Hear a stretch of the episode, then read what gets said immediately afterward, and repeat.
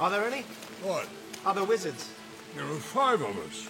Herkese merhaba. Orta Dünya resmi YouTube kanalına hoş geldiniz. Ben Orta Dünya Twitch yayınlarından tanıdığınız Caner Şenol. Bu videomuzun konusu Gandalf, Saruman, Radagast ve mavi büyücülerden oluşan Orta Dünya'nın büyücüleri yani Istari. Istar sözcüğü Quenya lisanına göre bilge olan anlamına gelir. Bu da ortak lisanda büyücü olarak tercüme edilir. Istari ise bu sözcüğün çoğul hali olan büyücülerdir. İster'in üyeleri Valar'a hizmet etmek için görevlendirilen Mayyar sınıfına ait ruhlardan oluşur. İster'in amacı ise özgür halkları Melkor'un en sadık hizmetkarı olan Sauron'a karşı uyarmak ve örgütlemektir. Bunun için 3. çağın 1000. yılında Orta Dünya'ya gönderilirler. Bu görevle Orta Dünya'ya kimlerin gönderileceğine karar vermek için Eru'nun da rızasıyla Man ve Valinor yani ölümsüz topraklarda bir toplantı düzenler. İlk başta 3 kişinin gönderilmesine karar verilir. Bunlar Orta Dünya'da Saruman olarak bilinen ve Aule'nin mayısı olan Kurumo, Orome'nin mayısı olan Alatar ve son olarak Orta Dünya'da Gandalf olarak bilinen Manwe ile Varda'nın mayısı olan Olorin'dir.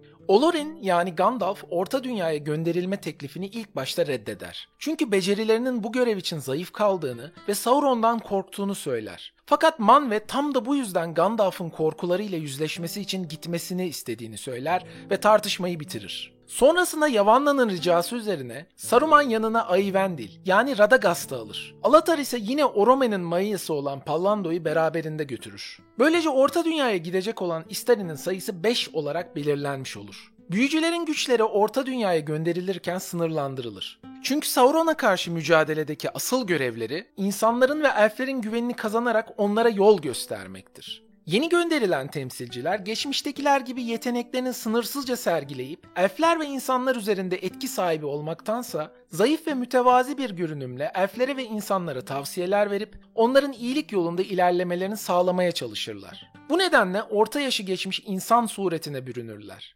Büründükleri bedenler öldürülebilir. Açlık, susuzluk, korku, endişe, yorgunluk ve kibir gibi özelliklerden muaf tutulmazlar. Bu nedenden ötürü tıpkı diğer varlıklar gibi doğru yoldan sapma ihtimalleri de vardır. Sahip oldukları yeni bedenlerinde birçok şeyi en baştan öğrenmek zorundadırlar.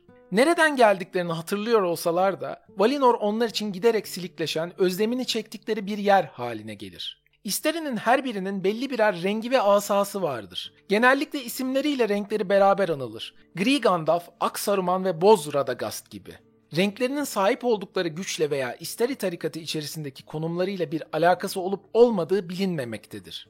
Ancak Manwe'nin toplantısı sırasında Orta Dünya'ya gidecekleri henüz belli değilken de aynı renkte kıyafetler giymeleri ve Varda'nın Gandalf için üçüncü olarak değil diye özellikle belirtmesi aralarında bir hiyerarşi olmadığını düşündürüyor. İsteri'nin lideri olarak Saruman'ın belirlenmesi ise Orta Dünya'ya gelmesinden sonra gerçekleşir. Diğerlerinden daha soylu ve kudretli görünmesi ve daha maharetli olmasından dolayı herkes tarafından İsteri tarikatının lideri olarak kabul edilir. Daha sonraları renklere bağlı bir hiyerarşi oluşmuşsa da ilk başta büyücülerin renklerinin bir önemi olmadığı tahmin edilmektedir. İsteri Orta Dünya'ya ilk geldiğinde insanlar onları engin bilgi birikimine sahip insan ırkından kişiler olarak düşünürler. Büyücüler her ne kadar insanlara çok görünmeseler de devamlı gezerler ve daha fazla şey öğrenmeye çalışırlar. Sauron'un tekrar güçlenmeye başladığı zamanlarda büyücüler daha açık bir şekilde insanlara ve elflere yardım etmeye başlarlar. Bu sırada onların yaşlanmadığını ve ölmediğini fark eden insanlar onların aslında elf olduklarını düşünürler. Nitekim Gandalf'ın da kelime anlamı asalı elftir. İstari'nin gerçek kimliklerini çok az kişi bilmektedir. Bunlardan biri de gri limanlarda onları karşılayan Kirdan'dır. Kirdan ilk uyanan elflerden biridir ve Orta Dünya'da bulunan en yaşlı elftir. Kirdan Gri Gandalf'ı ilk gördüğünde büyücüler arasında en kudretli ruhun ve en yüksek zekanın ona ait olduğunu anlar. Bu nedenle ona üç elf yüzüğünden biri olan Narya'yı emanet eder ve şöyle der. Seni zorlu uğraşların ve büyük tehlikelerin beklediğini hissediyorum. Bu yüzüğü yanında bulundur ki üstlendiğin görevi yerine getirmekte zorlanırsan ve bitkin düşersen onun yardımına başvurasın. Onu gizli tutmam kaydıyla bana emanet edilmişti bu yüzük. Fakat burada batının bu uzak kıyılarında atıl kalıyor. Oysa içimden bir ses bizi bekleyen günlerde onun benimkinden çok daha hünerli ellerde ve tüm yürekleri kutsal bir dava uğruna cesaretle doldurma yolunda kullanılmasının daha uygun olacağını söylüyor. Böylece Gri Gandalf Narya'yı alır ve bir sır olarak saklar. Fakat Saruman daha sonra bu durumu keşfeder. Varda'nın üçüncü olarak değil sözleri de önceden belleğine kazınan Saruman, Narya kendisine verilmediği için Gandalf'a karşı kin duymaya başlar. Orta Dünya'ya geldikten sonra İsteri'nin uzun yıllar ön plana çıktığı bir olay yaşanmaz. Üçüncü çağın 2063 yılında başlayan, tetikte yaşanan huzur dönemi, 2460 yılında gölgenin tekrar dönmesiyle sona erer. Böylece ilk defa ikinci çağda kurulan Akdivan, diğer adıyla Bilgeler Divanı, 2463 yılında tekrar toplanır. Toplantıya Gandalf, Saruman, Elrond, Galadriel ve Círdan ile birlikte diğer Eldar elfleri de katılır. Galadriel divanın başına Gandalf'ın geçmesini ister. Fakat Gandalf sabit bir yerde yaşama fikrini benimsemediği için bu teklifi reddeder. Onun yerine Sauron ve tasarıları hakkında en ayrıntılı bilgiye sahip olduğu için Saruman Divanı'nın başkanı olur. Yine de ilk başta Gandalf önerildiği için Gandalf'a ve diğerlerine duyduğu öfke artar. I'm Gandalf. And Gandalf means. me. Gri Gandalf sivri mavi bir şapka, uzun bir gri pelerin ve gümüş bir fular giyen yaşlı bir adam görünümündedir. Uzun beyaz bir sakalı ve gür kaşları vardır. Görevde olduğu süreç boyunca birçok isim almıştır. Bunları kendi ağzından şöyle anlatır. Beni pek çok farklı ülkede pek çok farklı isimle anarlar. Elfler bana Mitrandir der. Cücelerse Tarkun. Batı'nın unutulup gitmiş topraklarında geçen gençlik dönemimde Olorin ismiyle tanınırdım. Güney diyarlarındaki adım Inkanus, kuzeydeki ise Gandalf'tır. Doğuya gelince oraya yolum hiç düşmez. Sauron'un yenilgisinde Gandalf'ın herkesten fazla payı vardır. Tek yüzüğün bulunmasında ve yok edilmesinde, ejderha Smaug'un öldürülmesinde, Orta Dünya'da birçok savaşın kazanılmasında ve özgür halkların kurtuluşunda çok ciddi katkıları olur. 2850 yılında Dol Guldur''daki kötülüğün Sauron olduğundan şüphelenir ve gizlice Dol Guldur'a girer. Orada Thorin Meşe Kalkan'ın babası Thrain'i bulur. Ondan Yalnız Dağ'ın anahtarını ve giriş yolunu gösteren haritayı alır. Sauron'un Angmar'ı geri almak istediğini tahmin eder. Bu nedenle olası bir işbirliğini engellemek için Smaug'un öldürülmesi gerektiğini düşünür. Thorin meşe kalkanı bulur ve onu Erebor macerasına atılmaya ikna eder. Bu sırada kendisi de ölüm büyücüsünü yani Sauron'u Ak Konsey ile beraber Dol Guldur'dan atar. Beş Ordular Muharebesi'nden sonra Bilbo Baggins ile yakın dost olan Gandalf, Bilbo'nun 111. doğum gününe iştirak eder.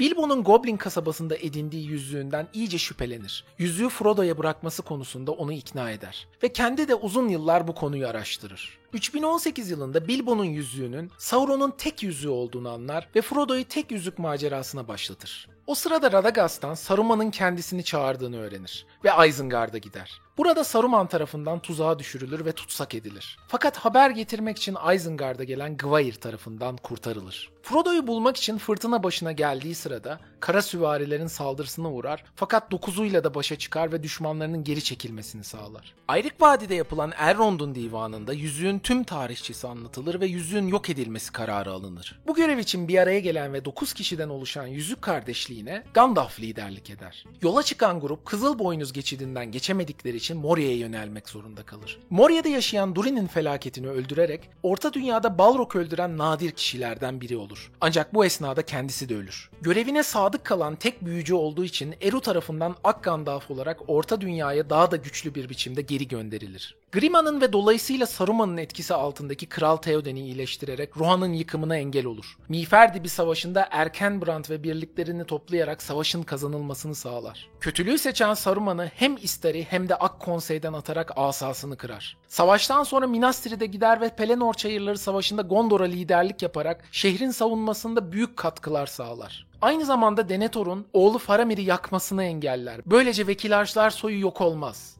Pelennor Çayırları Savaşı'ndan sonra Frodo'ya bir şans yaratabilmek için Mordor'a yürümeyi önerir. Kara kapı önünde savaş başladıktan kısa bir süre sonra yüzük yok edilir. Gandalf'ın Sauron'a karşı olan uzun gayretleri nihayete erer. The greatest of our order is Saruman, the White. Aksaruman Orta Dünya'ya ilk geldiğinde beyaz giysiler giyen, kuzgun gibi simsiyah saçları olan yaşlı bir adam görünümündedir. Saçları gitgide beyazlamaya başlar ve 3. çağın sonunda kulağı ve dudaklarının çevresindeki siyahlıklar hariç saçları tamamen beyazlar. Saruman'ın ayırt edici gücü sesindeki büyüdür. İradesi çok kuvvetli olmayan kişileri sesindeki büyüyle etkisi altına alır. İstediği şeyi yapmaları konusunda ikna eder. Valinor'daki adı olan Kurumo, Quenya dilinde kurnaz olan anlamına gelir. Elfler Kurunir, kuzeyli insanlar ise Saruman derler. Her iki isim de yetenekli adam anlamına gelir. Yüzük Savaşı sonunda ise güneyli insanlar tarafından Sharki yani yaşlı adam ismini alır. İlk başlarda mavi büyücüler ile doğuya gidip uzun bir süre orada kalır.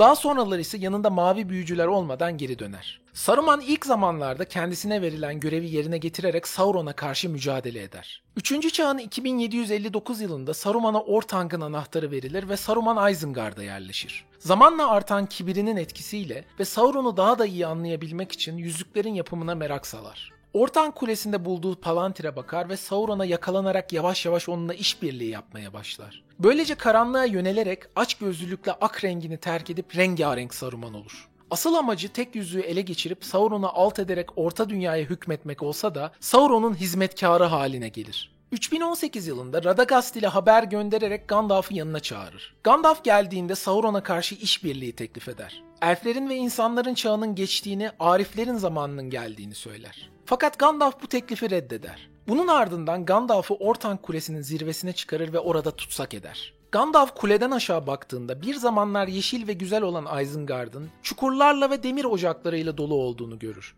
Isengard kurtlar ve orklarla dolmuştur. Ancak bir de Saruman'ın ürettiği diğer orklardan ve uruklardan daha güçlü ve dayanıklı olan Uruk-hai vardır. Yüzük Savaşı'nı başlatan kişi Saruman olur. Aizen sığlıkları muharebesiyle Rohan'a savaş açar. Batı ağlı yakıp yıkar. Theoden'in oğlu ve Rohan'ın komutanı Theodred'in ölmesine sebep olur. Vahşi dağlıları ve nehirlerin gerisindeki Dunland'ın çobanlarını da silahlandırır ve Rohan'a karşı kışkırtır. Miğfer dibine sığınan Rohan halkına 10 binden fazla Uruk-hai ve Dunlandlı insanla beraber saldırır. Gandalf ile Erkenbrand'ın ordusunun ve Huorn'ların yardıma gelmesi sonucu Boruşehir muharebesini kaybeder ve ordusu tamamen yok olur.